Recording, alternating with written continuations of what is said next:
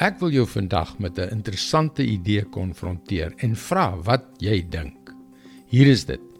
Enige Christen wat nie besef dat hy op 'n geestelike slagveld lewe nie, mislei homself.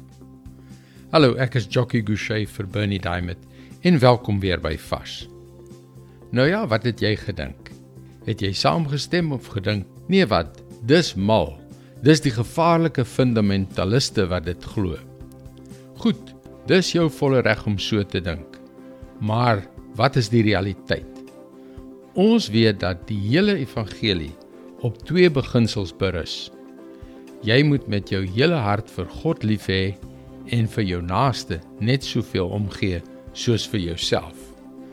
Dit klink redelik eenvoudig, maar in 'n wêreld waar gevoelens toenemend waarde stroef, word dit al hoe moeiliker om daardie twee eenvoudige beginsels uit te leef. Om God lief te hê en om mense lief te hê. Glo my, dis harde werk. Dit behels opoffering. En so baie mense wat hulle self as Christene beskou, het hul liefde vir God en hul naaste vir 'n lewe van gerief en selfsug verruil. Ek het onlangs iemand hoor sê dat die gemiddelde kerkganger maklik verlei word deur enigiets wat as Christelik bestempel word, omdat hulle nie God se woord self bestudeer nie. Dit veroorsaak dat hulle maklik om die bos gelei word. Jy sien dit deesdae nogal dikwels gebeur. Vergifnis, vriendelikheid, opoffering, eer en vrygewigheid. Dit is verdwynende waardes, nie net in die breë samelewing nie, maar ongelukkig ook binne die kerk. Maar hoe kan ons terugkeer na wat dit werklik beteken om Jesus te volg? Efesiërs 6 vers 17. Sit verlossing as helm op en vat die swaard van die Gees. Dit is die woord van God.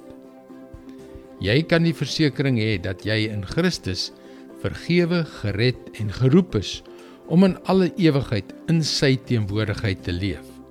Maak seker dat jy die woord van God eerstehands ken, sodat jy nie mislei word nie en dat jy 'n lewe met liefde vir hom en jou naaste kan lei. Dit is God se woord vars vir jou vandag.